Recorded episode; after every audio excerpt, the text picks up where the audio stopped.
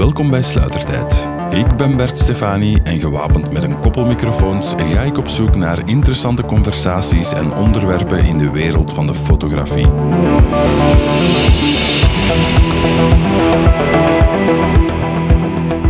In deze eerste aflevering ga ik op bezoek bij een jonge dame die de ambitie heeft om fotoboekartist te zijn.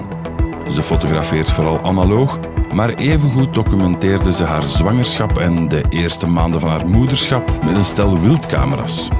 Tijdens onze informele fotobabbel hebben we het over de kracht van beperkingen, authenticiteit, schrijven op het toilet, persoonlijke projecten en nog veel meer. Hier is Josephine Tondelaer. Ik zit hier uh, op de zolder van uh, Josephine Ja. Mm -hmm. um, op uh, corona-veilige afstand. Um, en ja, Josephine, welkom op uh, deze podcast. Dank u. Um, Josephine, misschien kent niet iedereen jou al, wat dat zonde is, maar we gaan daar verandering uh, in brengen. Als jij jezelf moet voorstellen als fotografe, wat zeg je dan? Uh, ja, goede vraag. ik moet mij eigenlijk zelden voorstellen als fotograaf, dus uh, dat zal de eerste of de tweede keer zijn. Uh, en dat is echt misschien al genoeg, want ik, ik, ja, ik vind dat heel erg moeilijk om mij zo te identificeren met de term fotograaf. Maar bon, dat is misschien een soort van uh, podiumvrees dat ik altijd heb, of nog steeds heb. Um, maar eigenlijk, ja, als, als ik mij moet definiëren als fotograaf, um, ik ben iemand die heel intuïtief werkt, die graag projectmatig werkt en dan vooral um, dingen die heel dicht, um, die me heel nauw bij het hart liggen, die heel erg in de persoonlijke sfeer zitten. Maar vooral, ik ben misschien nog maar tien jaar bezig en waarvan een groot deel niet heel, heel actief. Dus voor mij voelt dit nu echt zo meer als het begin van iets als een carrière als fotograaf. Dus um, vandaar dat dat misschien nog wat moeilijk is om zo mij daar echt als fotograaf voor te stellen. Ja, ik vind dat ook niet uh, noodzakelijk dat mensen in een hokje gestoken worden, mm -hmm. maar dat wordt wel graag gedaan. En ik merk dat zelf soms, als ze naar mij vragen van ah ja, je bent fotograaf, en wat doe je dan? Mm -hmm. Ik vind dat een hele moeilijke vraag om te beantwoorden. Ja, ja het is natuurlijk ja, het is zoiets ruim, dat is een ruime term. Um, maar ja, als je mij vraagt wat ik doe als fotograaf, dan denk ik dat het voornamelijk de, tegenwoordig toch, uh, die persoonlijke projecten zijn, dat ik graag wil verder uitbouwen. En dan um, portretten. Dat dat uh, de hoofdmoot zo is. Um, en dat evolueert ook echt wel mee, gewoon met wie dat ik ben en hoe dat mijn leven er op dat moment uitziet. Dus, uh, ja. En um, hoe ben je dan eigenlijk in de fotografie terechtgekomen? Nog een goede vraag. Um, ik weet in ieder geval, uh, als ik afstudeerde, of als ik van het middelbaar kwam, hè, dan had ik twee dingen dat ik wou doen. Dus ofwel wou ik fotografie gaan studeren aan het KASK, ofwel wou ik dierenarts worden. Um, maar omdat ik ja, niet echt genoeg, hoe moet ik dat zeggen, zonder mensen te kwetsen, um, genoeg ondersteuning heb gehad op dat vlak van um, mensen die talent herkennen en die aanvoelen van wat past er bij u, heb ik een beetje op eigen houtje een weg gezocht in het hoger onderwijslandschap en heb ik echt gekozen voor iets veilig. Um, waar ik eigenlijk totaal geen idee van had waarom dat ik het wou doen. En dat was sociologie. Nu, achteraf gezien valt dat wel gewoon samen met de dingen die mij boeien als fotograaf, namelijk de mensen en hoe dat mensen samenleven en, en uh, work-life balance, waar we heel veel over geleerd hebben um, als 18-jarige, terwijl je nog niets van kent. Maar bon, dus uh, fotografie heb ik dan niet gekozen en dat is altijd wel wat blijven steken. Uh, allee, zo... Um, en dan ben ik uh, na mijn studies gewoon beginnen werken, ook in het hoger onderwijs, als administratief uh, assistent en al die dingen. Um, stafmedewerker, hoofdmedewerker, ik heb het allemaal gezien. Maar na een paar jaar voelde ik toch zo van... Hmm. Ik ben dan wel begonnen met avondonderwijs, fotografie het CVO. Dat boeide mij wel. Maar na een paar jaar zo in het hoger onderwijs werken... Um, en ja, ik deed vooral zo wat deel, tijdelijke jobs. Um, dacht ik van, ik ga een keer zoeken op de VDAB-website naar een nieuwe job in de fotografie. En ik tikte gewoon fotografieën. En dan kwam ik uit bij een job als fotoredacteur bij het laatste nieuws. En ik dacht, hmm, uh, ik ben meer een de morgenmens, dacht ik toen. Maar bon, je moet ergens beginnen. Dus ik dacht, ik ga een keer fotoredactie... Uh, ik ga me daarvoor een kandidaat staan. Ik werd uitgenodigd. Ik heb een gesprek gehad met de fotoredacteur van het nieuws. En um, ze ging mij iets laten weten. Hè. En dan, een paar maanden later, had ik eigenlijk net een andere job gevonden. Um, en echt diezelfde dag, s'avonds, krijg ik telefoon van Kaat Celis, die toen chef fotoredactie was bij De Morgen, of ik niet drie maanden kon inspringen, want er was iemand uh, weggevallen.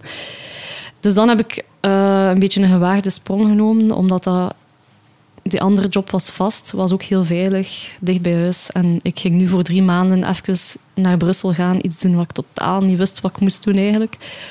Maar zo ben ik dus in de, in de fotografie op een of andere manier terechtgekomen als fotoredacteur. En um, ja, heel veel, ik ben er uiteindelijk vijf jaar blijven plakken.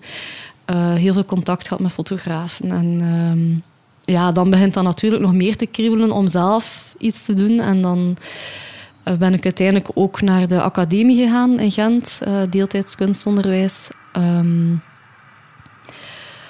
maar daar ja, vond ik ook zo niet echt mijn draai. Dat was zo... Ja, ja, moeilijk om, uh, om uit te leggen wat er daar dan juist is misgegaan. Maar uiteindelijk heb ik dan toch beslist van... Als ik het echt wil, kan ik het ook op mezelf. En moet ik er gewoon voor gaan. En um, daar ben ik nog altijd van overtuigd. Eigenlijk voor iedereen die fotografie wil doen. Um, je moet het gewoon doen eigenlijk. Hè. Gewoon je camera pakken en vertrekken. En ik hoor dat ook van zoveel mensen die er net als mij graag mee bezig zijn, maar er niet altijd te komen. Zo van, ah, het is nogthans zo eenvoudig. Je moet gewoon je camera pakken, vertrekken, mensen aanspreken. En je gaat misschien een paar keer een nee krijgen, maar ook veel ja. En, um, dus voilà, daar zijn we nu. Ik uh, merk dat ook, dat dat bij heel veel fotografen, uh, bij de meeste, is dat geen rechtlijnig uh, traject. Mm -hmm. Is dat iets met veel heen en weer gaan, maar ik denk dat dat ook weer de, de ervaringen geeft waarmee dat je als fotograaf aan de slag kunt. En ik denk ook dat, mm -hmm. zeker in het fotograferen van mensen, moet je ook met mensen kunnen omgaan. En dat ja. is iets, mm -hmm. daar heb je misschien een, een bepaald uh, natuurlijk talent voor nodig, maar je moet dat vooral leren. Ja, voilà. Ja, ja je moet ook een beetje volwassen worden, denk ik, op een bepaalde manier. En uh, een beetje durven, gewoon ook. Hè. Uh, dat vind ik nog altijd moeilijk, eigenlijk, durven. Ja. Ja, maar als je dan zo een paar keer zo... Ja, je moet zo ergens zo gelijk een, een, muur door of zo bij sommige mensen. Ook bij jezelf. Eerst moet je door je eigen, over je eigen muurtje stappen en dan... Uh, maar een keer dat je erover bent, dan... Ja, ik, ik merk het heel vaak dat ik naar shoots ga en dat ik zo denk van... Oh, ik zit niet zitten, ik zit niet zitten, ik zit niet zitten. Maar dat is niet omdat ik dat niet graag doe, maar dat is zo gelijk altijd zo toch een muurtje dat je over moet. En dat contact dat je moet leggen met mensen. En, maar dat lukt altijd. En dat is altijd zo fijn en dat is zo heel cliché om te zeggen, maar dat voelt ook nooit als werken dan. En dat zijn altijd gewoon fijne momenten dat je deelt met mensen. En ja, voilà. Um, wat ik eigenlijk ook nog wil zeggen is, het is eigenlijk nu pas dat ik eraan denk om um, ja, ik ga niet zeggen fulltime, want ik wil niet fulltime werken, maar om parttime zeker uh, als fotograaf aan de slag te gaan. Uh, tot nu toe heb ik altijd ander werk gedaan en was fotografie altijd een bij, um, bijzaak. Maar ik merk ook wel heel erg dat als je niet de tijd hebt om er volledig voor te gaan, dat je er nooit volledig voor kunt gaan. Dus dat altijd zo wat slabakken blijft. Dus nu is het zo een beetje het plan, een beetje zeg ik. Um, nu is het plan om ervoor te gaan, volledig part-time. Want ik wil vooral veel tijd hebben nog voor mijn kind. En, uh, dat lijkt mij een, uh, een wijze uh, beslissing. Um, nu, Josephine, um, toen ik begon met het idee van deze podcast, mm -hmm. um, dan was het voor mij vooral een zaak van een beetje meer aandacht te creëren naar uh, authentieke fotografie. Mhm. Dat is nu misschien een woord dat zo een beetje overused is, maar um, ik vind dat wel een heel belangrijk woord. En um, bij jou staat uh, authenticiteit ook in het eerste regeltje van uh, de bio op jouw website. Dus ik, mm ik had direct zoiets van voor mijn eerste gast ja, moet daarover gaan. Um, nu, waarom staat dat op die eerste regel in uw uh, bio? Waarom uh, is dat zo belangrijk voor u? Um, ik denk dat het voor mij vooral draait om het contact dat ik maak met mensen. En het contact vooral dat ik maak ook met mezelf, terwijl ik aan het fotograferen ben. En dat het eindresultaat altijd een bijzaak is. Nu, ik hou ook wel van mooie foto's, en, hoewel dat, dat heel relatief is. Maar, dus ik ga ook wel teleurgesteld zijn als het resultaat er niet is. Maar het gaat dan uiteindelijk in die end altijd over ja, een soort van verbinding dat je maakt met mensen of met een plaats, um, met jezelf. En daarom denk ik, noem ik het authentiek, omdat het heel erg tegenovergesteld is aan commercieel bijvoorbeeld. Of um, ja, ik denk dat het hem ook in de thema's zit waar rond dat ik werk. Um, het natuurlijke dat mij heel erg aanspreekt. Um, het oorspronkelijke, of het oorspronkelijke, zoals mijn yogaleraar altijd zegt. Um, dus in dat opzicht, en dan ook technisch gezien vooral, ben ik zo niet... Uh, ja, ik ga niet zeggen dat het technische mij niet boeit, want ik heb ooit wel nog als assistent een aantal keer meegeholpen met uh, Studio Edelweiss, de twee wijze fotografen uit Gent. En uh, dan vond ik dat technisch eigenlijk heel leuk om die lampen op te zetten en, en mee na te denken over belichting en zo. Maar, dus het spreekt me ergens wel aan, maar ik heb er ergens bewust ook wel voor gekozen om dat opzij te zetten en gewoon heel eenvoudig, zo, maar één, maximum twee toestellen, filmrolletje, paar filmrolletjes. Uh, geen extra belichting en zo, om zo gewoon te werken en dan ook te kunnen focussen op ja, het moment zelf. Techniek kan in de weg staan van het contact, denk ik dan. Ja, uh, ja, voilà. Um, en ik merk nu dat mijn techniek mensen heel erg uh, prikkelt ook en nieuwsgierig maakt en dat ze daar heel door gecharmeerd zijn. Hoewel dat ik nog niet met zo'n... Uh, uh, hoe noemt dat nu weer? Zo'n mega, ik vergeet altijd die naam, systeemcamera. Dat nog niet dat is waar ik mee afkom, want dan zijn ze meestal nog meer onder de indruk, denk ik. Maar, um, een groot formaat. Uh, ja, ja, gewoon het feit dat ik analoog werk, uh, dat ze dat voelen. Allee, dat ze die, die een sluiterkaart voelen open en dicht gaan. En dat ze mij zien een rolletje insteken of uithalen. En mensen vinden dat heel ja, fascinerend en zowel charmant. En ze voelen ze voelen dat ook wel. Het gaat hier meer om het proces dan om het resultaat. En dat vind ik wel. Ik denk dat mensen dat ook wel heel vaak um, als een soort van compliment zien: van ik ben het waard om heel die meer omslachtige ja. manier uh, ja. boven te halen om, uh, om te fotograferen. Dat, ik denk dat dat ook wel heel vaak, ik merk dat het ook wel vaak is van om die connectie te maken, moeten ja, de volledige aandacht geven aan die persoon en die mhm. persoon moet dat voelen. Ja, um, Nu over uh, die connectie gesproken, hè. je spreekt over de connectie uh, met je onderwerp, connectie met jezelf. Um, en dat dat eindresultaat misschien bijkomstig is. Um, maar het eindresultaat is misschien ook wel de connectie maken met andere mensen, met de ja, kijker. Mm Ja, in dat opzicht is het ja, is het wel belangrijk, uh, zeker naar bepaalde thema's toe, waar ik nu heel erg mee bezig ben, zoals borstvoeding bijvoorbeeld. Um, daar merk ik heel erg dat dat wel iets losbrengt, uh, iets losmaakt bij mensen. Um, bij mama's of uh, toekomstige mama's die onzeker zijn over publiek borstvoeden of die heel veel weerstand voelen in een omgeving. Um, dus in dat opzicht is het resultaat ja, als je het zo bekijkt, is wel heel belangrijk. Um, en uiteraard is het voor de mensen die ik fotografeer ook super belangrijk dat ze een mooie foto hebben, want ja, daarvoor doen ze het. vragen ze mij natuurlijk wel. En um, en ik zeg ook altijd op het einde van elke shoot van als je niet tevreden bent, dan doe ik het gewoon opnieuw, want ik wil er gewoon zelf ook een goed gevoel bij hebben. Ehm, dat is gelukkig nog niet gebeurd, maar... ehm, dus ja, eh, fotografie is super belangrijk en we hebben het er daarnet ook over gehad. ehm, als een vorm van communicatie naar de buitenwereld toe, als een vorm van... Ja, het is, je hebt een soort van verantwoordelijkheid als je een publiek hebt en aanspreekt. En dan maakt het ook echt wel boeiend, hè. Dat je Ja. iets kan... En eh, het is natuurlijk ook je eigen keuze van een publiek te hebben, want je moet niet publiceren natuurlijk. Je moet geen... hè, je bent Ja. redelijk actief op eh, Instagram. Ehm, dus het is ook wel... Allee, ik veronderstel dat er dan ook wel ergens een drang is om die dingen te gaan communiceren waar dat je gepassioneerd mee bezig bent. Ja, ik vind het altijd een heel moeilijke. Ehm, want uiteindelijk, bijvoorbeeld nu het project Nest, ik heb er al veel over nagedacht van waarom mm, breng ik nu eigenlijk een boek uit daarover? Want dat is zo persoonlijk en dat is... Ja, ik wou dat in eerste plaats vooral maken voor mezelf en voor mijn dochter en om een herinnering te hebben aan heel die periode. Maar ja, als je dan merkt dat daar iets van reactie op komt of interesse in is, dan, ja, dan prikkelt dat wel iets bij je natuurlijk. Ik denk dat iedereen wel graag er- erkend wordt ook in wat dat hij doet. En ehm, het gaat hem ook over ehm, iets moois maken en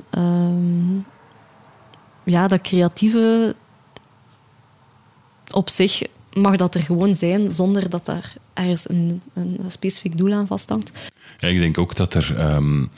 zijn vaak onderwerpen eh, die, waar de meeste mensen niet mee naar buiten komen. Ook misschien omdat ze niet de juiste taal vinden of de juiste manier vinden om ermee naar buiten te komen. Is niet altijd van niet willen, denk ik. Ehm, en misschien is het wel omdat jij die taal wel aangevoeld hebt, eh, dat je daar ook ergens de, een stukje de verantwoordelijkheid voelt om dat dan ook te doen, om dat dan ook te gaan gebruiken. Ja, ehm, ja, ik ben sowieso. Dat als je het over taal hebt, dan. eh, er is zoveel dat ik eigenlijk echt ook zou willen vertellen. ehm, dat ik gevoeld heb, dat ik zou willen delen. Maar ik ben nooit goed geweest in taal. Ehm, hoewel, ik kan wel gemakkelijk zoiets iets neerschrijven dat mensen denken van ah, dat is wel mooi geschreven, maar ik keek als kind ook altijd liever naar de prentjes in de boeken en ik sloeg de tekst over. Dus ik vind dat wel fijn dat ik dan op die taal dat mij meer vertrouwd is, dat ik die kan gebruiken ook om iets te communiceren. En ehm, ja, Ja, ik denk dat je jezelf een beetje tekort doet, want eh, als ik, zo, als ik je Instagram bekijk, dan, dan wat ik ook heel leuk vind, is, is de, de combinatie van geschreven taal en beeldtaal. Ja. Eh, nu, ik weet uit ervaring dat de meeste mensen niet lezen wat er onder een foto staat. Ik doe dat meestal wel. Ja. En, en ik vind dat die elkaar willen versterken. Ja. Ja, ik vind dat ook wel fijn om te doen. Zo. Maar dat komt altijd heel spontaan, impulsief meestal. Ik heb onlangs iemand, eh, iemand die me contacteerde en die zei van... Amai, ehm, je ziet echt dat je er zo hard over nagedacht hebt, over die foto en over die tekst. En ik dacht zo, oei. Ik heb dat eigenlijk zo heel snel, terwijl ik op het toilet zat, snel iets geschreven. En ja, eigenlijk werk ik bijna altijd zo. Ehm, eh, dat is niet altijd de beste eigenschap, maar in de meeste gevallen draait dat gelijk goed uit voor mij. Eh, dat komt gewoon heel spontaan. En, ja. Dat is natuurlijk ook het, het fijne aan het, eh, ja, het, het werken met, met je eigen dingen. Van, dat hoeft niet per se op een bepaald moment te komen. Dat kan komen wanneer dat, dat komt, natuurlijk. Mhm. ja, voilà. Ja, ja. Ik heb ook best wel wat geschreven om de broden. En hoewel ik heel graag schrijf, vind ik dat ongelooflijk moeilijk om... Je moet nu beginnen aan iets te schrijven en dat moet binnen een uur klaar zijn. vind ik een heel moeilijke om te doen. Ja, ik zit net met hetzelfde. Ik zit al bijna een week over deadline voor mijn tekst voor de tentoonstelling. En ja, ik, ik blijf gewoon constant andere dingen doen. Naar The Crown kijken op Netflix. of eh, ik weet niet wat ik allemaal aan het doen ben. Een eh, fotoalbum voor mijn dochter aan het maken. Terwijl ik zo in mijn achterhoofd is er zo'n stemmetje zo van tekst, tekst, je moet die tekst maken. Ja, ik vind dat verschrikkelijk. Maar ik hoop dat het er gewoon op tijd vanzelf uitkomt. Zo uh, op tijd voor de tentoonstelling. Ja, en als dat echt nodig is, kun je het nog een beetje pushen natuurlijk. Maar zolang... Ja, voilà. Maar dan voelt het nooit echt, echt goed. Het moet echt zo gelijk plots komen bij mij. Um, ja. ja. Nu, uh, we hebben het daar net al even gehad, hè, van, van uh, het... Werken met uh, eenvoudig materiaal, werken op film.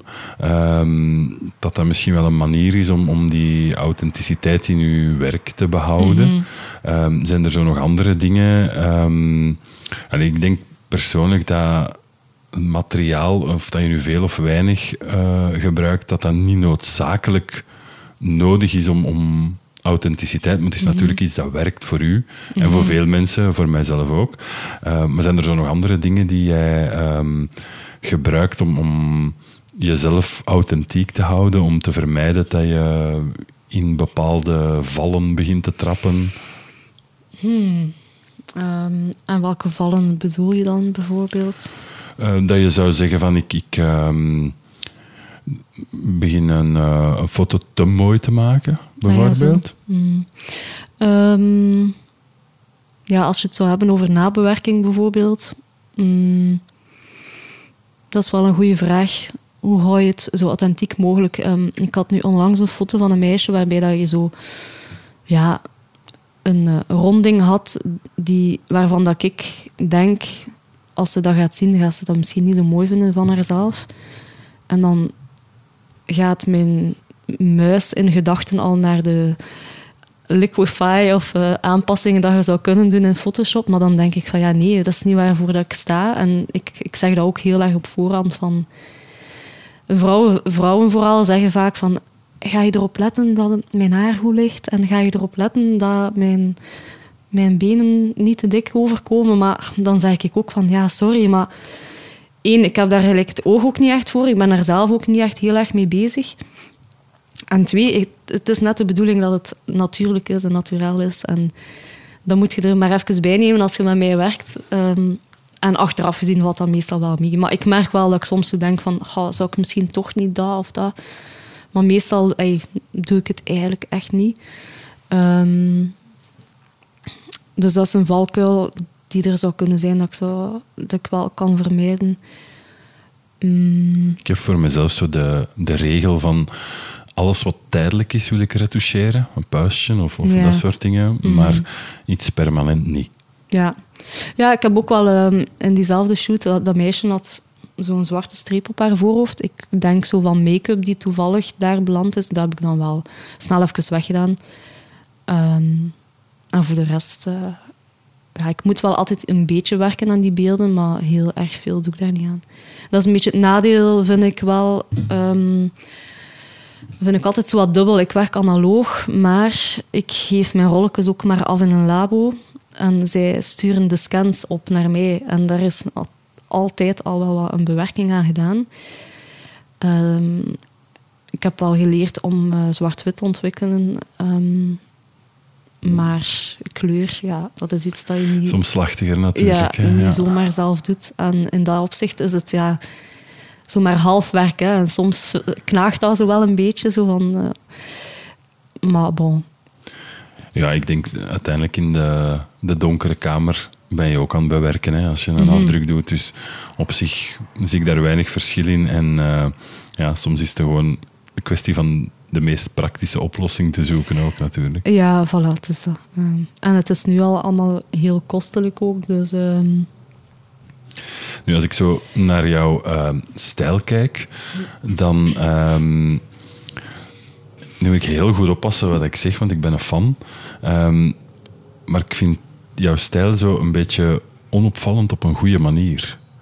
en daarmee mhm. bedoel ik dat ik zie heel vaak, dat is misschien door mijn eigen netwerk en, en door uh, de algoritmes die daar, uh, van sociale media die daarop uh, inspelen, maar ik zie heel vaak fotografenfoto's.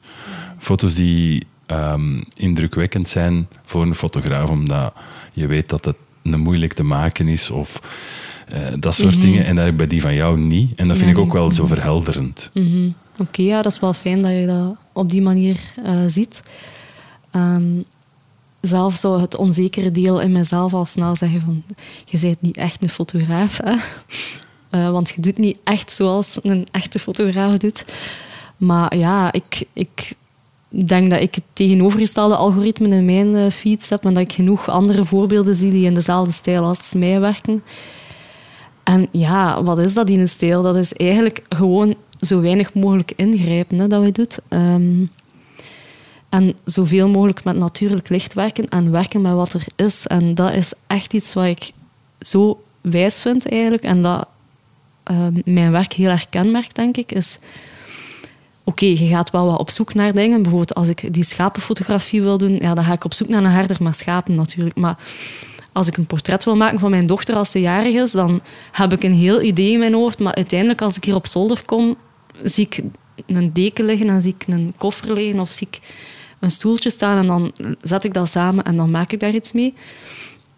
En uh, dat is gewoon, ja, dat vind ik gewoon... ik vind ook dat die... Allee, jouw foto's, dat zijn er uh, ja, die ik liefst in een boek zou zien of aan een muur zou zien, om er wat tijd voor te nemen. Om, omdat ik vind dat er ook heel veel, um, heel vaak interessante informatie zit in een achtergrond, uh, in een voorgrond.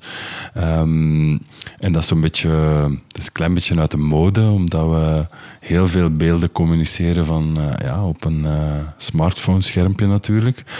Um, en ik vind ook van dat... Um, ja, dat imperfecte vind ik ook iets heel interessant. in de zin van, er kan iets op de achtergrond liggen. Er kan nog... Uh, ja, ik heb dat met mijn eigen kinderen ook altijd gehad. Van, daar mag een snottenbel uithangen. Uh, nu niet meer, nu zijn ze daar te groot voor. Maar uh, er mag een snottenbel aanhangen. Daar mag rommel in huis zijn. Um, terwijl dat ja, wat ik heel vaak zie, zo van die ja, geïdealiseerde beelden. Uh, maar is dat iets dat je bewust doet of iets dat gewoon komt? Um, ik ga zeker bewust uh, dingen laten liggen, maar ik ga dat niet bewust in beeld, uh, in scène zetten. Um, ik vind, ja, dat is, ja, dat is juist wat ik zo, wat ik zo, wat ik vind dat een foto boeiend maakt. Als je, je moet wel een beetje orde creëren in beeld, dus ik laat zeker niet alle rommel liggen, maar ja, het mag gewoon zijn wat het is. Dat is gewoon zo belangrijk. Zo, als ik, dat, als ik shoots doe met met een gezin of met een zwangere mama of zo, dan heb ik ook zoiets van: uw lijf is nu zo en dat is oké. Dus um, ik ga niet beginnen met dat weg te moffelen. En ik wil wel mijn best doen om haar zo elegant mogelijk in beeld te brengen, maar ja. Ik denk vaak van als ik. Uh Mm, ik zeg maar iets, een, een, een zwangerschapsstreamen zou beginnen uh, wegwerken. Eh, ik zou dat eigenlijk, denk ik, moest ik een zwangere vrouw zijn, zou ik dat een belediging vinden eigenlijk. Ja, voilà. Ja, ja het zal wel. Ja. Nu, er zijn natuurlijk mensen die daar veel glamoureuzer over denken en ieder het zijn natuurlijk. En daarvoor zijn dan andere fotografen. Hè? Ja, en dat is, zo, dat is ook juist zo wijs. Ik vind zo we zijn met zoveel mensen, er zijn zoveel zwangere vrouwen. Binnenkort is er babyboom. Ik vind dat zalig, want ik denk van, kom maar af. Um, en er zijn, ja, iedereen heeft andere wensen en wil er anders voorgesteld worden. En dat is altijd al zo geweest. En ik vind dat zo fijn dat elke fotograaf gewoon zijn werk wel vindt. Of zijn publiek wel vindt. En uh, ik, ja, ik, ik ben heel, allee, heel onzeker. Ik ben wel wat onzeker. Ik vind het super spannend om dat boek uit te brengen. En een vriendin van mij zei ook van ja, er gaan sowieso mensen zijn die dat niet goed vinden. En ja, dat is normaal. Dus kun je dat maar beter op voorhand bij neerleggen. En je moet niet iedereen, iedereen kunnen pleasen of willen tevreden stellen. Of... En ja, voilà. Het is ook wel vaak zo dat een, een negatieve reactie uh, vaak veel zwaarder weegt, uh, gevoelsmatig, dan uh, honderd goede reacties natuurlijk. Uh, ja, tuurlijk. Um, ik heb al heel lang een YouTube-kanaal, ik weet daar alles van. Ehm, en nog altijd, als ik dan iets negatief krijg, zeker als dat zo niet echt terecht lijkt, of dat je zoiets hebt van, ja, kijk dan naar iets anders als je dat niet goed vindt. Dan eh, kan dat nog altijd wel, wel aankomen. Zeker als het op de, de verkeerde moment komt. Ehm, nu nog één dingetje dat ik over jouw stijl wil vragen. Um, er staat ook in jouw uh, bio dat jij uh, eigenlijk nadrukkelijk zegt dat je met natuurlijk licht werkt. Um, ik vind dat altijd een beetje vreemd. Uh, als fotografen dat zeggen. Uh, zo, um, ik heb al uh, iets cynischere kameraden die dan zeggen... Dat is een manier om te zeggen dat je niet met kunstlicht kan werken. Ja. Um, ik zeg niet dat dat zo is, maar um, ik vraag me af, waarom zet je dat op je website? Waarom, waarom is dat zo belangrijk voor jou dat je dat... Omdat uiteindelijk ga ik er altijd vanuit dat voor de kijker het absoluut niet uitmaakt welke camera dat je gebruikt, welk licht dat je gebruikt. Dus dat vraag ik me eigenlijk af. Ik ben in de val getrapt van. Uh, uh, maar ja, dat is een goede vraag. Ik denk dat ik dat zelf enerzijds heel belangrijk vind, omdat uh, dat, dat dan past bij de stijl dat ik, um, ja, dat ik wil um, vertegenwoordigen. Of, of, um... of is dat meer gewoon een, een uh, manier om te zeggen van ik uh, fotografeer de dingen zoals ze zijn? Ja, voilà. Dus dat is, dat is inderdaad, dat past dan bij die stijl. Maar ik geef ook wel toe dat dat ook te maken heeft met het feit dat ik technisch gezien, ik ga niet zeggen, niet onderlegd ben, want ik ken wel wat van flitsen, ik heb het ook geleerd. Maar ja, het boeit mij enerzijds niet heel erg hard, um, maar anderzijds vind ik dat het ook de setting van het fotograferen te artificieel maakt, in mijn opzicht, in mijn oog, uh, in mijn, ja, hoe zeg je dat? Um, in mijn opinie. Ja. um, of naar mijn gevoel beter. Uh, ja, ik wil het, eigenlijk het proces zo sober mogelijk maken. Uh, maar los daarvan, ik heb nu ook een flitsje voor op mijn Mamiya en ik vind dat de max. Allee, ik vind ja. dat de effecten dat je daarmee kunt creëren, zo dat hup, frontaal flitsende ja. zo, en vooral in combinatie met zwart-wit vind ik dat vrij schoon. Dus ik ga daar wel nog wat mee experimenteren ook. Dus ik heb daar zeker niet zo een um, afkeer van of ja. zo. Ik denk dat dat ook zoiets is dat, ja, dat je een beetje projectmaait ja, bekijkt. Voilà, hè, van wanneer heb je dat ja. nodig, wanneer niet. Ik, ik ben zelf allee, ben van mening van als ik goed natuurlijk licht heb, dan Mhm. ga ik dat gebruiken. En er is ook wel een verschil tussen um, ja, opdrachtenwerk. Want als ik uh, een zomerse foto moet maken en als het bewolkt is, dan moet ik zelf de zon meebrengen. Dan ja. heb ik geen andere keuze. Kan ik niet zeggen van uh, we blijven hier wachten als de zon schijnt.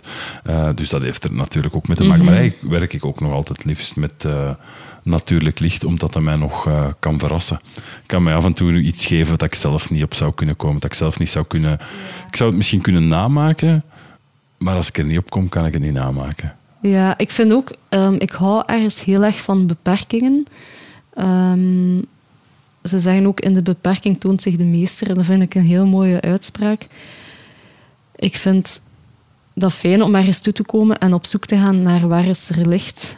En om daar dan mee te werken in plaats van omgekeerd al een heel voorbedacht idee te hebben. Um, de mo mogelijkheden zijn dan ook eindeloos als je zelf je licht mee hebt. En dat geeft mij gewoon rust. En dat is eigenlijk echt wat ik ook nodig heb om... Uh, om er een fijne ervaring van te maken. Ja, en om de connectie aan te gaan. Ja, voilà. ja, ik merk dat bij mezelf ook. Dat is iets waar ik al, denk ik, meer dan tien jaar naar op zoek ben. Van hoe eenvoudig kan ik het maken? Welke obstakels kan ik vermijden tussen het fotograferen en, en mijn on, allee, tussen mezelf en mijn onderwerp? En ja, er staat nog een camera en een lens tussen. Die heb ik al nodig, maar zo weinig mogelijk andere dingen. En ik uh, ben er constant mee bezig om mijzelf te beperken tot bepaalde dingen. Zelfs als ik een opdracht heb, dan uh, moet ik voor mezelf die, die scheiding maken tussen um, ik steek die camera en die twee lenzen in mijn fototas en daar moet ik het mee doen, tenzij dat echt niet gaat, maar dan moet ik naar de auto gaan. Ik moet er zo een afscheiding in bouwen, van, want anders dan grijp ik toch naar die andere dingen. Omdat ik, dat zo de, de fear of missing out. Uh, en dan ben ik constant lenzen aan het wisselen in plaats ja, van te voilà. fotograferen. Ja, ja, ja, ja. Oh, dat vond ik verschrikkelijk vroeger. Uh, ik heb dat ook nu. Ik denk, ik beloofde mensen, allee, dat is zo een soort shoot. Um, ik beloof bijvoorbeeld 15 beelden en dan weet ik van, oké, één rolletje heb ik 10 foto's. Per rolletje zijn er zeker vijf goed, dus ik pak vier rolletjes mee en niet meer. En dan steek ik misschien ook eentje in de auto voor moest er een keer iets misgegaan zijn, want dat kan altijd. Maar dus, dat geeft mij echt gewoon een, rust. En dan weet ik ook van, als dat op is, dan is het op. En dan stop ik. Want je kunt ook zo blijven gaan anders, hè, als je uh, digitaal zou werken.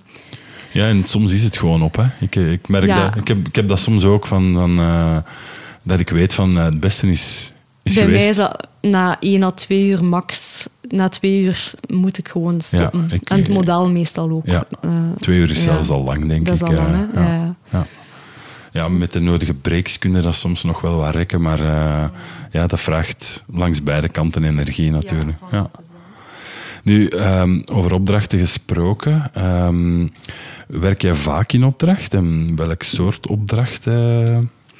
Ik heb eigenlijk nog niet zo heel veel in opdracht gewerkt. Um, ik herinner mij een opdracht of twee dat ik voor de morgen heb gedaan. Ik had natuurlijk wel het geluk dat ik daar wat mensen kende, dus heb ik wel een keer die kans gekregen. Maar dat was heel moeilijk voor mij, omdat ik niet kon werken op de manier waarop ik het liefst werk, namelijk analoog. Want je kunt moeilijk een reisreportage gaan maken ehm, volledig analoog, want dan legt je gewoon bij, uh, dan verdient je er niets aan. Um, dus dat was achteraf gezien, dan ja, had ik dat beter niet gedaan, maar dat was een, mooie ervaring. Um, daarnaast, de opdrachten die ik doe, zijn echt altijd voor particulieren. Dus uh, portretten. En dat, vind ik, dat doe ik heel graag. Uh, maar ik zou wel heel graag ook zo voor kranten of magazines portretten maken in mijn stijl dan. Waar, waar, dat er echt bewust gekozen wordt voor ook dat authentieker uh, werk. Heel sporadisch, zo zou ik dat heel fijn vinden om te doen. Um, maar ja daar ga ik binnenkort wel werk van proberen maken, zo reclame. nu, wat dat ik... Um, uh, daarnet zei je zo een beetje dat het, uh, het authentieke um, um, niet hetzelfde is als het commerciële. Mm -hmm. Maar geloof je dat je beide zou kunnen combineren? Ergens wel, ja. Ergens wel. Ik denk... ik geloof erin dat je gewoon moet doen wat je zelf, waar je zelf achter staat, wat je graag doet ook. En dat dat dan ook iets gaat uitstralen naar potentiële commerciële klanten, die dan ook bewust daarvoor kiezen en u ook dan uw goesting laten doen. Ja. Um, ik heb een voorbeeld wel. Oké, okay, dat is wel een vriendin die getrouwd is, maar bon, die heeft mij ingehuurd als fotograaf. En die zei, ik, zie, ik heb uw stijl gewoon super graag. En ik zei tegen haar dan, ja, maar alles wat je ziet is wel analoog gemaakt. Ah, oké. Um, oké, maar dan moet je onze trouw ook gewoon analoog doen. En dan zei ik, ja, oké, als je dat ziet zitten. En dan hebben we dat uitgewerkt en dat is gelukt. En dat was zalig om zo te kunnen werken. Dus, um, en ik uh, heb het er onlangs ook nog over gehad met een, foto, een bevriend fotograaf. Dat het echt wel vaker voorkomt in de modewereld bijvoorbeeld, dat ze analoog werken. Um, en je ziet dat ook in bepaalde campagnes. En dan vind ik dat wel fijn. Dan denk ik van, oké, okay, er is wel echt een markt voor. dus het hoeft elkaar niet uit te sluiten, denk ik. Ja, ik zag op jouw uh, website ook uh, iets van nectarine. Ja. Vertel daar eens iets over. dat is ook via via, dat is een kennis van mij eigenlijk. Um, die, ja, wat moet ik daarover vertellen? Die um, een webshop opgestart is, Nectarine Love heet het, als ik me niet vergis. Um, met ja, het, je zou denken dat het seksspeeltjes zijn, maar dat is het niet. Het, is, um, het zijn um, spirituele geladen objecten of zo die je intiem kunt gebruiken, maar die, mm, ja, ik kan er ze gaan mij doodschieten als ik het zo uitleg, want ik kan het niet goed uitleggen. Maar, We zullen uh, een linkje plaatsen in was, de, de show notes. Ja, voilà. Um, maar dat vond ik ook zalig om te doen, omdat ja, ik, dat is zo echt het pure, zo, dat naakt. Ik vind dat super mooi. Um, dat heb ik nog niet zoveel kunnen fotograferen. En zij gaf mij ook gewoon de vrijheid om te doen wat ik wou doen. Ja, dat leek mij zo van, van dit is een, uh, ja, op zich een, een, commerciële opdracht, maar uh, ja. wel helemaal jouw ding. Ja. Um, het zijn ook, uh, het is naakt, maar het is niet geseksualiseerd of, of eh, wat dan ook. En het zijn ook gewone, echte lichamen ehm, met hun imperfecties en de schoonheid die daarbij hoort, denk ik. Uh, dus dat, het is eigenlijk daarom dat ik naar die vraag uh, probeer te gaan van, van kan je commercie en, en authenticiteit combineren? Ja, ja, dat denk ik wel. Echt wel, hè. Ja. Ja, ik geloof ook wel dat... ik probeer ook wel een authentiek merk te zijn. Dus ga ik ervan uit dat er nog andere zijn uh, waarmee dat ik dan wel een match heb. Om, uh, ja, voilà. Ja. Het is zoals ik daarnet ook zei, elke fotograaf heeft wel zijn publiek, denk ik, en ook zijn opdrachtgevers. En oké, je gaat er misschien niet massaal veel werk mee hebben of mee verdienen, maar dat is een keuze dat je zelf moet maken. Uh, ja, ik denk dat dat ook relatief is en ik denk dat dat in de toekomst misschien nog belangrijker gaat zijn, omdat uh, ja, het ambacht van de fotografie, dat is veel minder belangrijk geworden. Als ik dat gewoon vergelijk met toen ik begonnen ben, een jaar of 17 geleden, dan ja, had je echt wel zo een stukje dat technisch meesterschap nog nodig. Ik zeg niet dat je dat nu nooit meer nodig hebt, maar ja, de, de, alle automatische dingen en softwaremogelijkheden zijn zoveel verder gevorderd dat om gewoon een redelijke foto te maken van een object of een persoon is, is niet zo moeilijk meer. Dus komt het uiteindelijk wel neer op uh, wat is de stem die dat je gebruikt. En, en dan denk ik dat wij als fotografen een duidelijke stem moeten hebben. En uh, dat is ook wel wat ik heel, uh, ja, heel fijn vind in, in jouw werk, is dat daar... Ik kan van al die foto's, ondanks dat dat heel verschillende onderwerpen zijn, kan ik wel zien dat die van jou komen. Ja, dat is fijn om te horen. Ja. ja soms zie, zie, je dat zelf soms niet Soms zie je dat zelf niet, nee. Maar ik heb zo uh, de voorbije twee jaar een, uh, een groepstraject gevolgd bij Mentor Mentor. En daar hadden we ook een van de sessies waren uh, om elkaars werk te beschrijven. En dat kwam dan ook naar voren, zo van, ja, die rode draad als in mijn werk zien. En dan, ja, dat is wel fijn dat je daar uiteindelijk naar evolueert. En ik zeg het, ik, voor mij is dit echt nog maar... Um, zit het echt nog maar in de beginfase, dus... Uh, dus dan gaan we nog heel veel en uh, veel mooie dingen van je Ik hoop het. Ik ga er eigenlijk al van uit. Ja. Um, dan even, we hebben er al verschillende keren aan geraakt natuurlijk, maar um, wat het belangrijkste toch is, zijn de, de persoonlijke projecten. Um, er staan er een aantal op jouw website en, en, ik zou ook iedereen aanraden om een keer naar jouw website te gaan kijken, maar doe dat als je een beetje tijd hebt, want dat is iets waar dat je met plezier uh, even tijd in kan besteden. Um, wat was eigenlijk zo het eerste persoonlijke project dat je gedaan hebt? Ik denk dat dat dus op de academie was, um, die reeks over de schapenherders. Dus dat is een portretreeks die ik gemaakt heb uh, als eindwerk. Uh, ja, dat was echt super fijn uh, om te doen. Ik vind zo het onderzoek uh, ernaartoe, al die mensen zien te vinden, contact te leggen met mensen, ehm, daar dan ook naartoe gaan, tijd mee doorbrengen. Ik herinner me één schapenherder Koen in Brugge, zo aan de Damse Vaart. Um, of is dat, dat is Damme. Of Hamme? Nee, Damme is het. Hè? Ja, ik weet het. Ik vergeet altijd de Ergens aan een vaart. Uh, Damme, denk ik, ja. Zo'n heel klein, pittoresk dorpje. Um, die was zo niet meteen op de foto. Zo. Die, ja, dat, dat, dat zegt nam eigenlijk niet veel. Um, maar ik zei ook tegen hem van ja, niet erg. Ik heb even tijd en ik ga gewoon wat meewandelen. Maar ja, met zo'n kudde schapen, dat gaat niet super snel. Dus dat was echt zo'n heel, heel trage wandeling. En uiteindelijk, drie uur later, het was ongeveer, het was bijna vijf uur of zo, zei hij zelf tegen mij van... Ging hij nu niet een foto maken? ja, zijn er nu klaar voor? Ja, want we gaan bijna, ja, ik ga bijna naar huis. Dus uh, ja, dat was echt uh, heel fijn om te doen. Um, Soms moet je dat een beetje verdienen, hè, je foto maken. Ja, ja. Wel, dat, uiteindelijk was dat een van de minder goede foto's achteraf. Maar, maar als herinnering misschien wel. Ja, uh... ik vind... Ik, ja, ik vond dat gewoon zo tof om al die schapenherders te mogen meelopen. Zo. Um, en die foto, dat, blijkt dan zo, dat lijkt dan zo bijkomstig. Maar, en ja. is, is dat dan het moment dat je daar zo... Of had je daar op voorhand al over nagedacht van ik wil eigenlijk liefst uh, zelf mijn projecten kiezen? Of, of, of, was dat een, een, beetje een moment dat je zoiets had van uh, ja, dit is het wel? Ik denk dat dat gewoon heel natuurlijk groeit. Zo van ja, ik denk, volgens mij kiest elke fotograaf uiteindelijk toch zijn eigen projecten. Ay, je doet toch gewoon Ja, ik denk, ik weet wat je dat zin in hebt om te doen, of niet? ik weet dat er heel veel fotografen zijn die nooit eigen projecten doen. Die alleen maar in opdracht werken. Ja. En, En die dan zeggen van, had ik maar tijd om mijn eigen projecten te doen. Of, ja, of er Ja. misschien gewoon geen interesse in hebben. of er geen interesse in. Ja.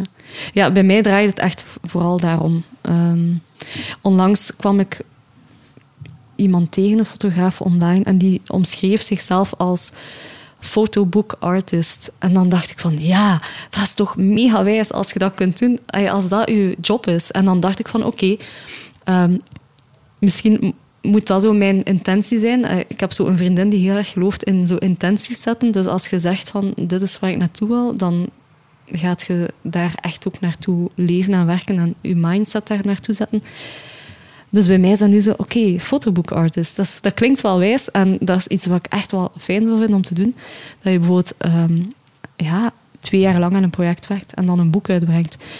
Want ik vind wel, dat lijkt nu zo vrij gewichtig van, amai, je hebt een boek. Eh, ik merk dat bij vrienden zo'n amai. En dan met die drukkerij, ehm, ja, dat is toch mega zot. Maar eigenlijk heb ik zoiets van, ja, maar dat is eigenlijk niet zo zot, want je, je betaalt daar gewoon voor. Hè. Zij drukken dat omdat je dat bijvoorbeeld betaalt. Hè. Allee, ehm, Oké, dat is een heel mooie gunst dat de uitgeverij u kiest en dat die met u in zee wil gaan. En die steunen u ook en financieel helpen die ook een beetje. Maar los daarvan, aan iedereen die een boek wil uitbrengen, ja, dat kan gewoon. Hè.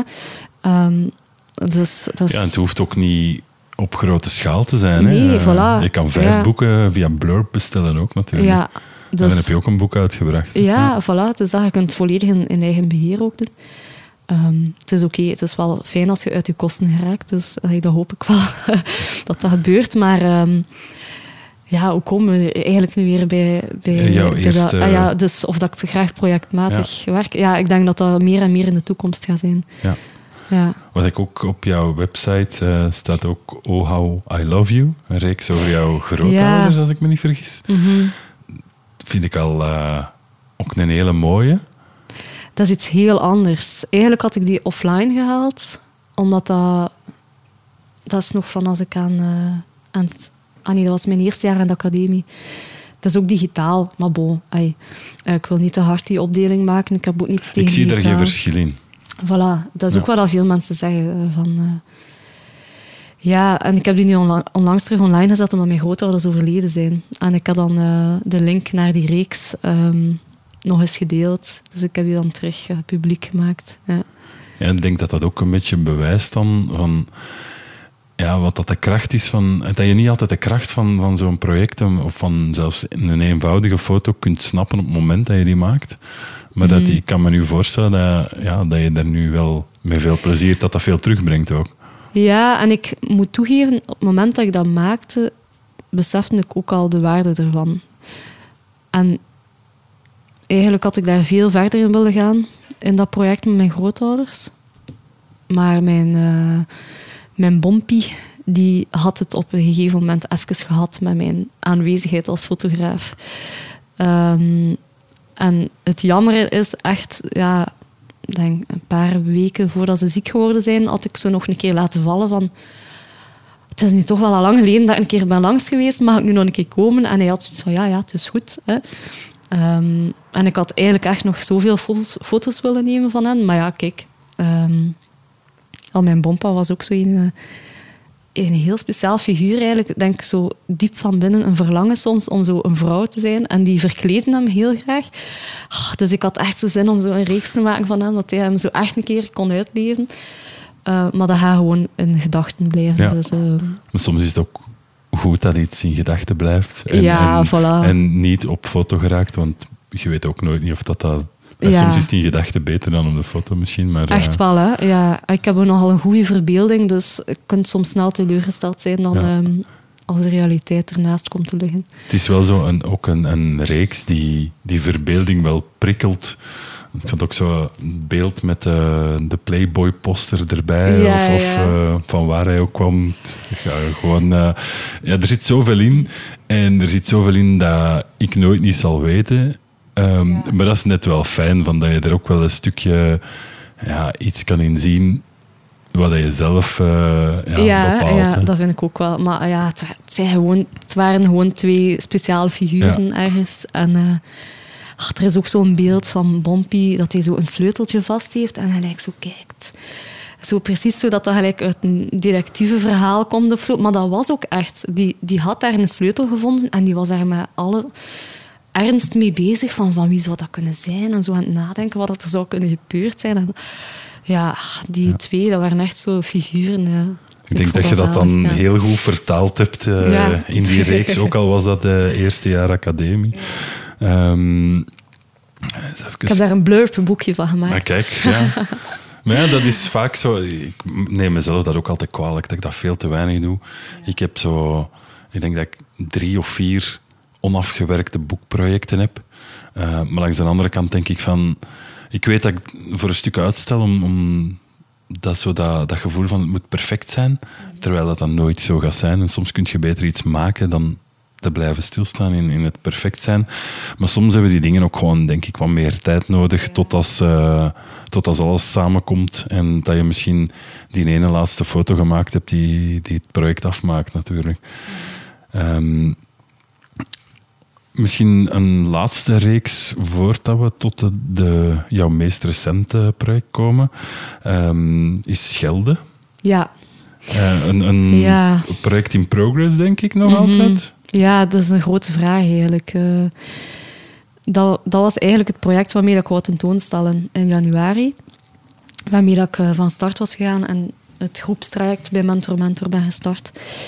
Ehm, en daar heb ik ook dan de pitch mee gewonnen van de Donkere Kamer. Dus ik had dan zo een beetje steun van het publiek ook om daar verder aan te werken. Maar ik denk een week later kwam ik te eh, weten dat ik zwanger was. En ik had net een paar weekends ingepland om langs de Schelde te gaan. Eh, maar dat is dan gewoon, ja, dat is jammer genoeg niet meer doorgegaan, omdat ik eh, ongemakkelijk was. En ja, mijn hoofd zat volledig bij de baby al. Ehm, maar dat is eh, een project dat ja, zo een beetje aan het slapen is, maar misschien wel terug opge Ja. wakker gemaakt kan worden. Ehm, en dat was eigenlijk ook weer een persoonlijke link naar die... ehm, ik woonde vlakbij de Schelde toen.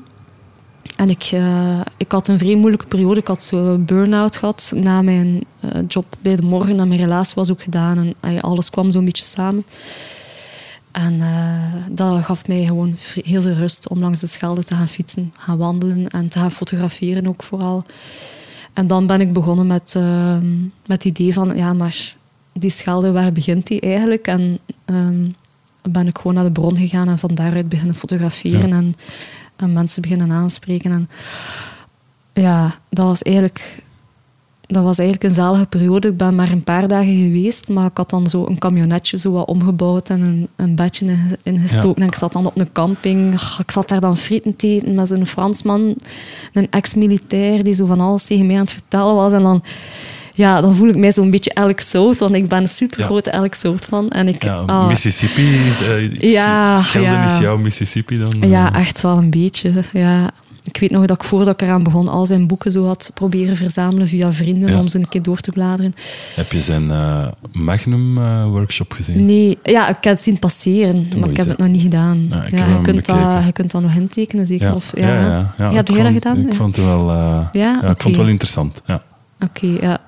Ja, manier van werken, denkwijze, komt er wel... Ja. ja wel, wel ik bewonder hem eigenlijk wel. ehm, ja, zoals veel fotografen, denk ik. Ehm, dus ja, het zou fijn zijn om daar verder aan te werken. Eh, ik speel wel met een ideetje om er op een of andere manier terug iets mee te doen. Want mijn dochter is nu een jaar bij mij thuis geweest.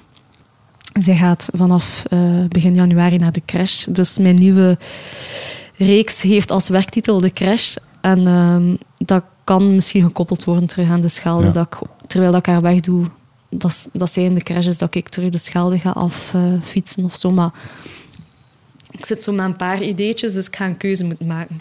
Zo waren we bezig over Schelden. Hè. Ja, Ehm, wat ik daar wel heel mooi in vind, is... Ja, ik, ik ben eigenlijk nog maar heel recent dat ik eigenlijk het, het Vlaamse kan appreciëren.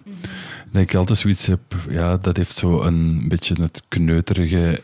maar dat heeft langs de andere kant zoiets mooi. En het is eigenlijk door, vooral voor mijn werk, best wel wat te reizen, dat ik eigenlijk nu kan appreciëren hoe uniek dat dat toch ook wel is, bepaalde van die dingen.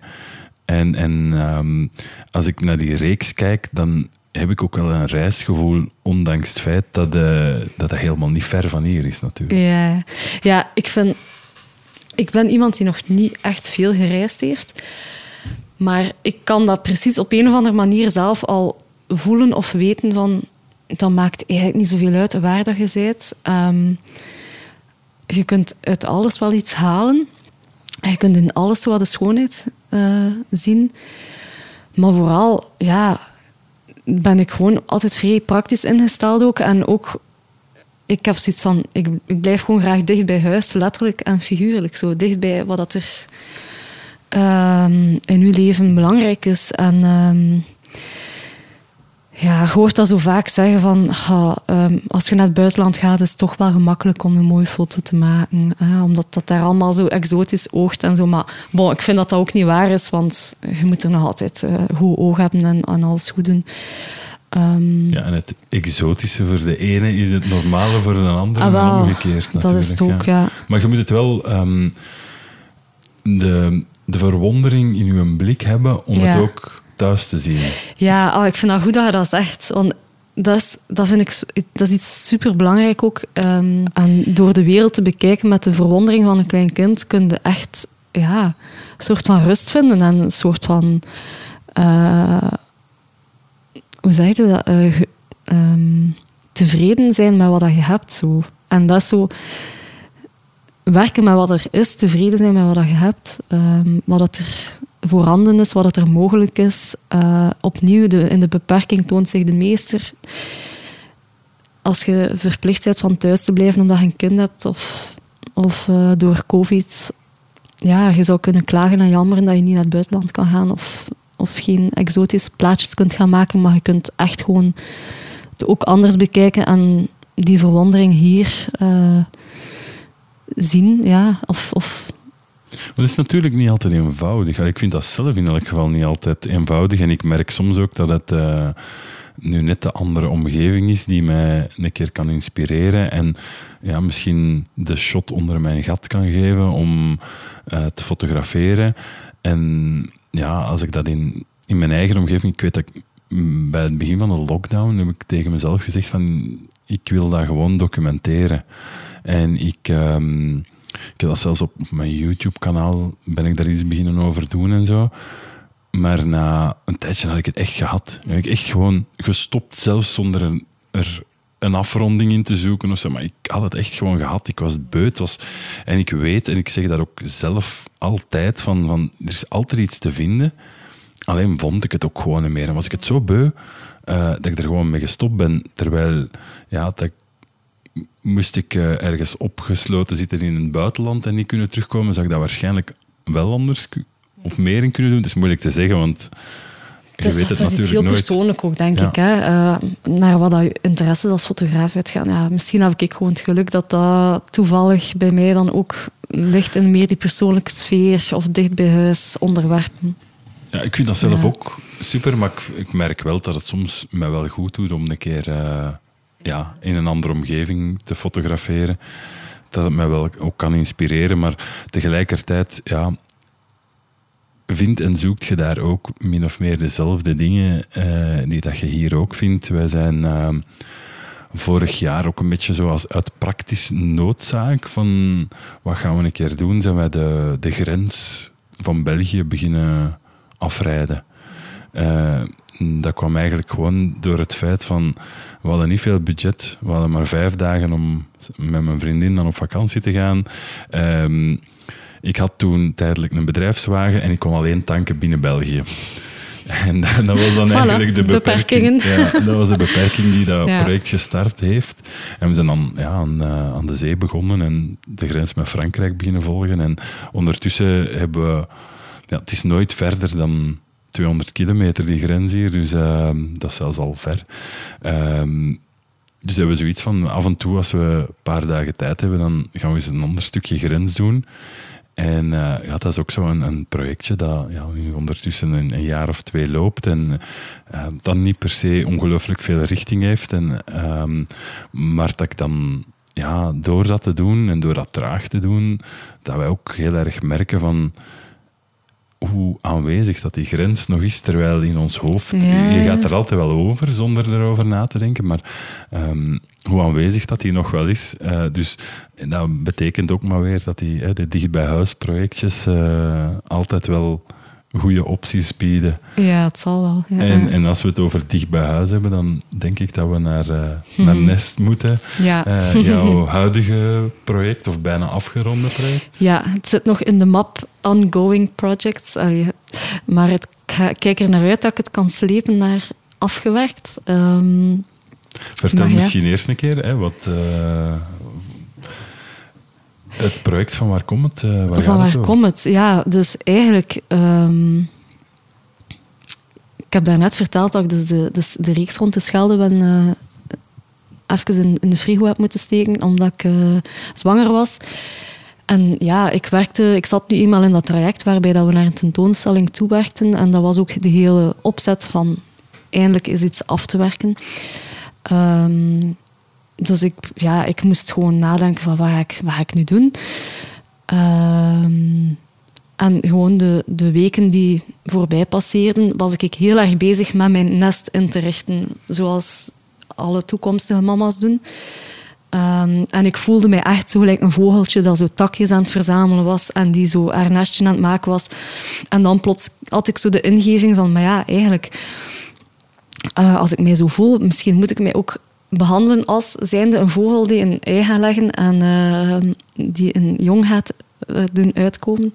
En uh, misschien moet ik zo een, een, camera in mijn nest hangen gelijk dat ze bij de vogeltjes doen. Dus dan ben ik zo vrij beginnen opzoeken van wat is er mogelijk en hoe werkt dat dan. En um, ben ik dus uitgekomen op zo twee van die wildlife camera's. Eerst eentje. Dus dat zijn eigenlijk ja, camera's die automatisch geactiveerd worden door beweging en ja. uh, registreren wat dat er dan gebeurt. Ook ja, uh, als het volledig donker is met uh, ja. night vision en van die dingen. Ja, dat is zo uh, ja, LED. ik weet niet hoe dat, dat juist werkt. Maar, dat is ehm, infrarood. Infrarood, dat was het. Ja, voilà. Um, dus eigenlijk het idee was oorspronkelijk om vooral de bevalling in beeld te hebben. Omdat ik dacht van... Ik heb daar ook over gehad met mijn mentor. Um, zij zei op het moment dat het zover is, ga je totaal niet eraan denken om de foto te maken. Want je gaat... Ja, je zit in arbeid. Ik had dat nog nooit meegemaakt, maar achteraf gezien kan ik wel zeggen van oké, je denkt echt niet aan je camera pakken. Um, dus zij zei, bereid je gewoon zo goed mogelijk voor. Uh, leg je huis vol met camera's. Ik heb wel redelijk wel van die ja, analoge camera's dat ik hier en daar opgepikt heb. Dus ik had overal wat camera's gezet. En uh, vooral die... Um, die nestcamera's, noem ik ze, uh, opgehangen boven het bed. Uh, en dat is begonnen de dag dat ik uh, het babybedje installeer. Dan heb ik hem opgehangen en dat is ook het begin van mijn boek dan. Um, maar uiteindelijk zijn die camera's blijven hangen tot ongeveer negen maanden na de bevalling. En voor mij was dat ook een beetje een symbolische grens. Zo negen maanden in, negen maanden uit de buik. En ik had het ook zo wel wat gehad dan met de camera's en met uh, de beelden begonnen zo wat saai te worden voor mij. Uh, dus dan heb ik het afgerond en ben ik beginnen selecteren. Um, en ik had eigenlijk eerst het idee om uh, te combineren met digitale beelden die ik gemaakt had tijdens de lockdown. Omdat dat voor mij ook wel ja, in het gegeven van Nest paste. Um, mijn oorspronkelijk plan was de eerste drie maanden uh, fotografeer ik in huis. Alles wat er hier gebeurt met de baby, kraamperiode, al die dingen. En naarmate dat die periode wat voorbij is, na drie maanden ga ik wel een keer wat meer buiten komen en ga ik mijn, mijn blik wat verruimen. En echt, ja, was het idee om ook verder weg beelden te maken en allemaal in één project te combineren. Maar door de lockdown ben ik dus ook gewoon thuis gebleven en is dat nestgegeven nog sterker geworden. Ehm, zijn de camera's blijven hangen. En uiteindelijk is het boek zelfs enkel en alleen webcam tussen haakjes beeld uh, van, die, van die bewakingscamera's, zogezegd. Um, in combinatie met een aantal zelfportretten, dat wel. Maar ehm, het hoofddeel... En ik had eigenlijk nooit gedacht dat het zo ging zijn, want ik was vrij gesteld op zo de andere beelden, om die er ook bij te hebben. Maar uiteindelijk is het toch gewoon een boek geworden met enkel die, uh, die nestcamerabeelden. Ja. ja. dat zijn dan eigenlijk ehm, ja, beelden die dat je zelf gemaakt hebt en ook wel niet zelf gemaakt. Ja. Ehm, ik kan me inderdaad wel voorstellen dat dat moeilijk is om dan uh, de Kill Your Darlings uh, van te beseffen van het, uh, het, boek is beter zonder veel van die andere beelden. En... Ja, dat was een moeilijke. Zo dat gevoel van oei. Um, heb ik dan, ja, ik heb het nu gelijk niet echt zelf gemaakt. Um, maar mijn mentor heeft mij ook heel vaak op het hart gedrukt van het auteurschap zit hem in uw selectie en in de vorm waarin dat je het naar, naar buiten brengt. Het en idee ook het om idee, het zo te doen natuurlijk. Ja, ja, voilà. En daar kan ik dan ook wel mee leven, zo van oké, okay, ja. En ik vond dat wel fijn om zo fotoredacteur van mijn eigen leven te zijn gelijk. Want ik voelde mij echt terug gelijk op de krant, want daar hadden ook per dag, ja, duizend, 2000 beelden minstens dat je door moest gaan. het zal er waarschijnlijk veel meer zijn, waarschijnlijk onderschat ik het nu, maar ja, um, en dat was, dat was met die camera's ook zo. Hè. Dus er ging eentje in de slaapkamer en eentje in de badkamer. Um, of in de bureau. Ik wisselde zo wel wat af. Ik heb ze nooit een vast standpunt. Ik heb ze wel wat verplaatst, nagelang dat wij ook uh, van slaapkamer verwisselden. Want we zijn een paar keer veranderd. Uh, nagelang wat het best was met een baby. Dus ja, ik had echt per dag 1000 à 2000 beelden. En dan uh, was dat wel zo wat een uh, ritueel om daar elke vrijdag door alle beelden van de week te gaan en dan uh, een selectie opzij te zetten. Um, dus ja. Het is wel... Um, het, het, voelt um, om naar te kijken soms een klein beetje ongemakkelijk. Ja, ik ben er wel benieuwd naar eigenlijk, naar wat je daarvan... Uh, ja, ja, de, de beelden ja. dat ik al gezien heb, en dat zijn niet diegenen van in het boek, als ik het ja. goed uh, begrepen heb. Uh, ja, het is een beetje Big Brother gevoel, maar tegelijkertijd wel, wel enorm fascinerend, omdat ja, je weet ook dat het gecureerd is, dat jij de keuzes gemaakt hebt natuurlijk. Um, en, maar ja, ik, ik vind altijd wel, hoe persoonlijker dat een project is hoe interessanter vaak. Maar het is tegelijk ook wel ja, jezelf wel um, heel erg blootgeven, letterlijk soms zelfs. Allee, op alle vlakken eigenlijk.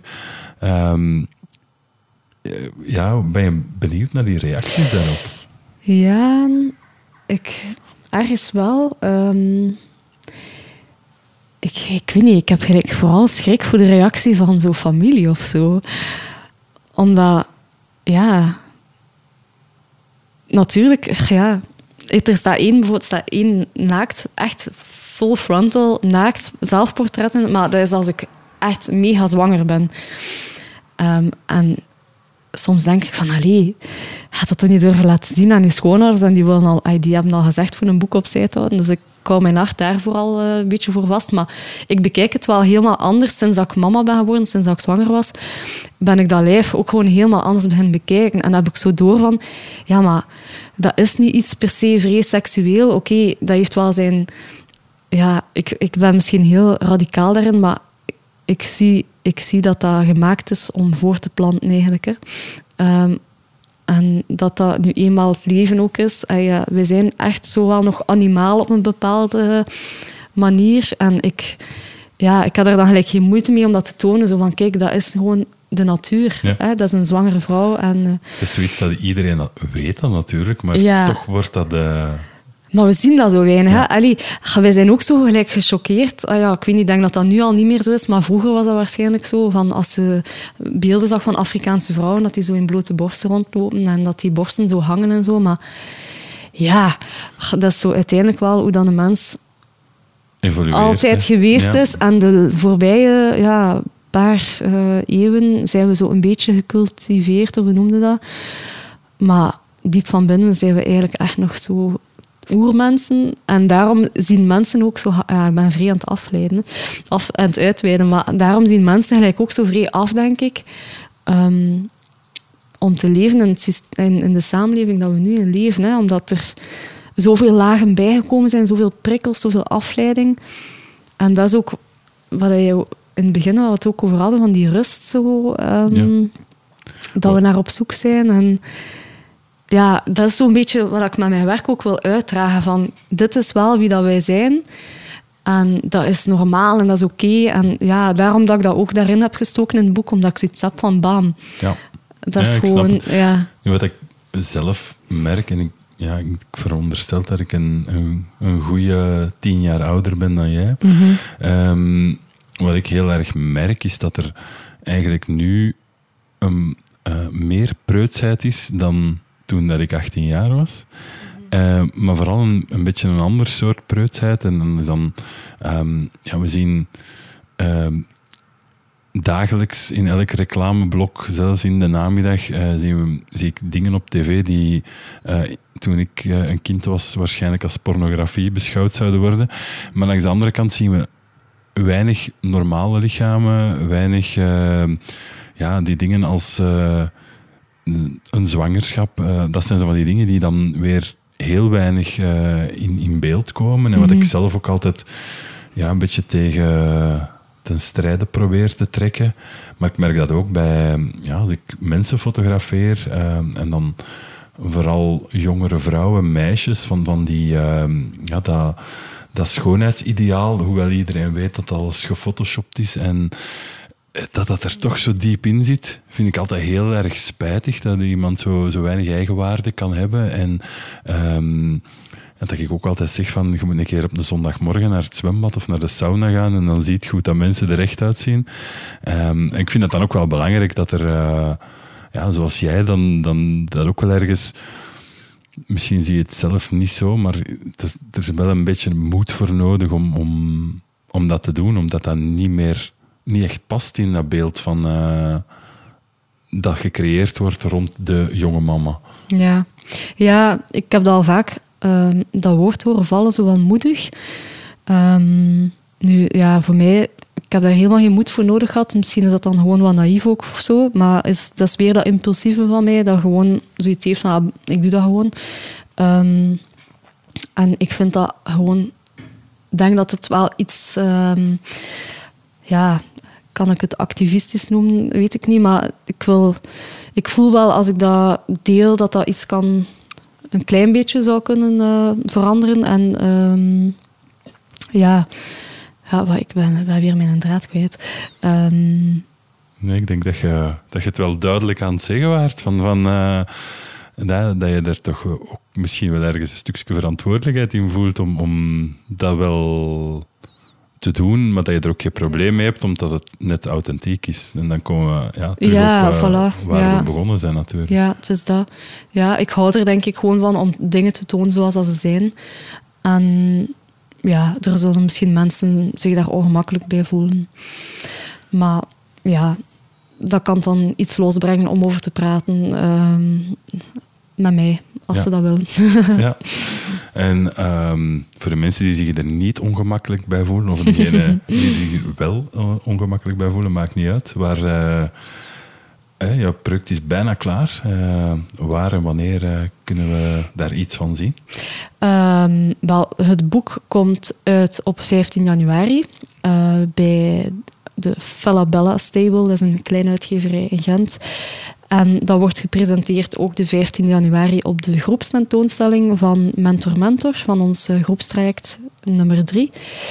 En eh, dat zal zijn in Blanco, dat is de tentoonstellingsruimte in Nucleo. Dat is aan de, veearts, de oude veeartsenijschool aan eh, de Coupure in Gent. Ehm, dus ja, en het boek zal te koop zijn ook via de uitgeverij en op de tentoonstelling zelf. Ja, ik zal al die Ja, links eh, in de show notes van de podcast zetten, zodanig dat mensen daar eh, ja, gemakkelijk aan kunnen. Ja. Ik ben in elk geval super benieuwd en eh, ik ga zeker komen kijken. ik zou zeggen, je kunt het al zien. Het ligt hier. Oh, dat is... ik- Zonder, zonder kaft ligt het hier. Ja, wel, ik ben Hier klaar om in zeer te benieuwd kijken. Ja, voilà. om toch eens even te kijken. Ja. Ehm, ja, het is wel een groot project om, om af te ronden. Ja, uiteindelijk wel. Ehm, het, was, het was bedoeld om gewoon eh, één boekdummy te maken en dan eh, is dat opgepikt door die uitgeverij. En wat dat wel fijn is, ehm, zij, ehm, zij focussen zich vooral op de eh, kleinere verhalen. Het is nu wel een iets groter project in de zin van het is een boek. En het is 128 pagina's, wat dat ook iets meer is misschien dan ze normaal doen. Maar het gaat over het, ja, het kleine alledaagse uiteindelijk. Hè. Het is zoiets iets zo heel normaal dat even in de kijker gezet wordt. En, uh, dus ja, voilà, door hen is het dan iets groter geworden dan dat één boekje. Maar bon. Voor jou natuurlijk ook. Ja. Het is uh, anderhalf jaar uit jouw leven.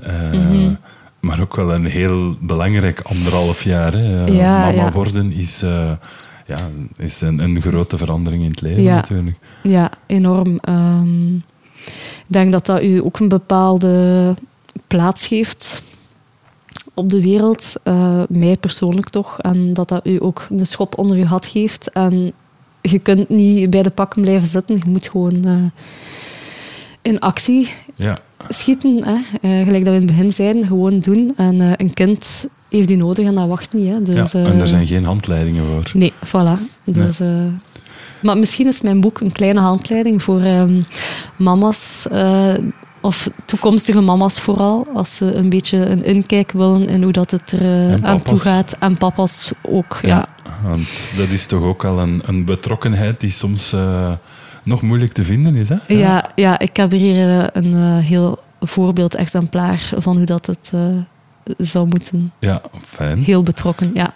Dat is fijn voor jou en voor jouw dochter. Ja, zeker. Uh, en voor hem natuurlijk ook, want papa zijn is ook al ongelooflijk fijn. Um, om af te sluiten, um, heb jij nog uh, tips voor mensen die zeggen van, ja, ik wil eigenlijk ook authentieker gaan fotograferen? Um, ja, hm. Eerst en vooral, dus zoals ik al een paar keer gezegd heb, als je iets wilt doen, als je een idee hebt, ja, je moet er echt gewoon aan beginnen. Hè. Um, nu, de authentieke zit dan dus bij mij vooral in het... Uh, ja, in verschillende dingen. In het onderwerp, um, in de manier van werken, uh, techniek. Uh, dus ja, dat is zo moeilijk om te zeggen, hè, want gelijk dat we het er ook over hadden, uh, het is niet omdat je digitaal werkt en met flitsapparatuur dat je daarom niet authentiek kunt bezig zijn. Zit het ook niet een beetje in um, een open geest hebben als je aan iets begint, als je mensen ontmoet? Ja, ja, en vooral oprecht zijn, denk ik. Ik denk als je echt oprecht interesse hebt in iets, dat je automatisch een authentiek werk maakt. Ah ja, anders. Ja. Ja, misschien ook wel heel belangrijk, hè, van oprechte interesse te hebben in jouw onderwerp. Als, ja, uh, voilà. als je niks geeft om uh, honden, dan moet je een project rond honden gaan doen, denk ik. Ja, voilà. Ik, ik neem nu bijvoorbeeld uh, Alex Sout hè, met zijn Mississippi. Je zou kunnen zeggen van... Amai, die heeft daar veel succes mee gehad. En ik vind dat mega cool. En ik wil ook dat succes hebben. Ik ga ook een reeks maken over een rivier. Maar als, je dat, als dat je beweegreden is, ja, dan gaat dat niet authentiek zijn. Nee. Terwijl bij mij is dat gewoon gekomen en dan zag ik toevallig de gelijkenis. En ja, oké. Okay, Soms ook heel onbewust natuurlijk. Meer, hè? ja, ik ga mij nu niet gaan vergelijken met Alex Sout, maar bon, een lichte gelijkenis. En dan is dat is gewoon het enige dat eraan is. Hè. Voor de rest doe je gewoon verder. Hè. Um, uh, en maakt dat op zich geen verschil. Ja. En mocht u ook laten inspireren door het werk van anderen. En soms is dat ook ja. gewoon heel onbewust dat je dingen absorbeert. Die... Ik denk, ja, alles is al gedaan, zegt iedereen ook ja. altijd. En dat is ook zo. En toch weer niet. En toch weer niet. Uh, maar wat het er nog niet gedaan is, is vooral hoe dat jij het doet. En ja, ja dat is het. Hè. Je, je draagt altijd iets, iets uniek en persoonlijk bij. Dus ja, daar moet je allemaal niet te veel van aantrekken. En zolang als je het als je het gewoon voelt en als het je interesseert. En ja, bij mij kan dat ook zijn. Ik heb soms ideeën en één moment kan ik het heel erg voelen en dan een week later denk ik van, oh, wat is dat niet voor? En ja, dan valt dat gewoon weer weg. En uh, het zijn zo maar een paar dingen die blijven hangen en die dan ook echt tot iets komen. En dan moet je daar gewoon heel blij om zijn dat dat gelukt is. Ja, en ik denk zelfs die dingen waarvan niks komt, komt ook iets van. Want uh, al is maar dat je weet dat, dat het nieuw was. Ja, voilà. um, waar kunnen mensen jou uh, vinden? Wat van jouw werk bekijken? Jou volgen? wel, ze kunnen mij het meest actueel volgen op Instagram. Daar post ik wel af en toe zoiets van nieuw werk of uh, deel ik zo wat persoonlijke dingen. En dan, ehm, dat is gewoon ja, op mijn naam, Tondelair Josephine, denk ik. En ik heb ook een website die dringend moet geüpdate worden. En dat is www.josephintonleer.com. Daar gaan we allemaal naartoe. Zie dat de servers klaarstaan yes. de uh, Ongelooflijk uh, dikke merci. Ik vond het merci, uh, heel interessant. En, ik ook, ja. Ik wens jou enorm veel succes met Nest. met alles wat je daarna doet. En met het moederschap ook natuurlijk. Ja, merci. Er gaan er zeker nog komen. Dus, nog boeken of nog kinderen? Of beide? Misschien beide, ja. Allebei, hopelijk. Ja. ja. ja. Ik volg. De max, merci. Hopelijk heb jij evenveel genoten van dit gesprek als ik zelf. Ik kon me geen betere gast wensen om dit nieuwe podcastavontuur in te zetten. Vergeet zeker niet de show notes van deze aflevering te bekijken met daarin de links naar Josephine's werk, tentoonstelling en boek. Ik kon het boek al inkijken en mijn bestelling is alvast geplaatst. Tot zover deze allereerste aflevering. De tweede komt er ook snel aan en daarin vertelt mijn gast smakelijke verhalen en jaagt hij het voltallige lerarenkorps tegen zich in het harnas. Voor meer info, constructieve feedback en suggesties voor toekomstige gasten, ga naar bertstefani.com podcast of mail naar podcast.bertstefani.com.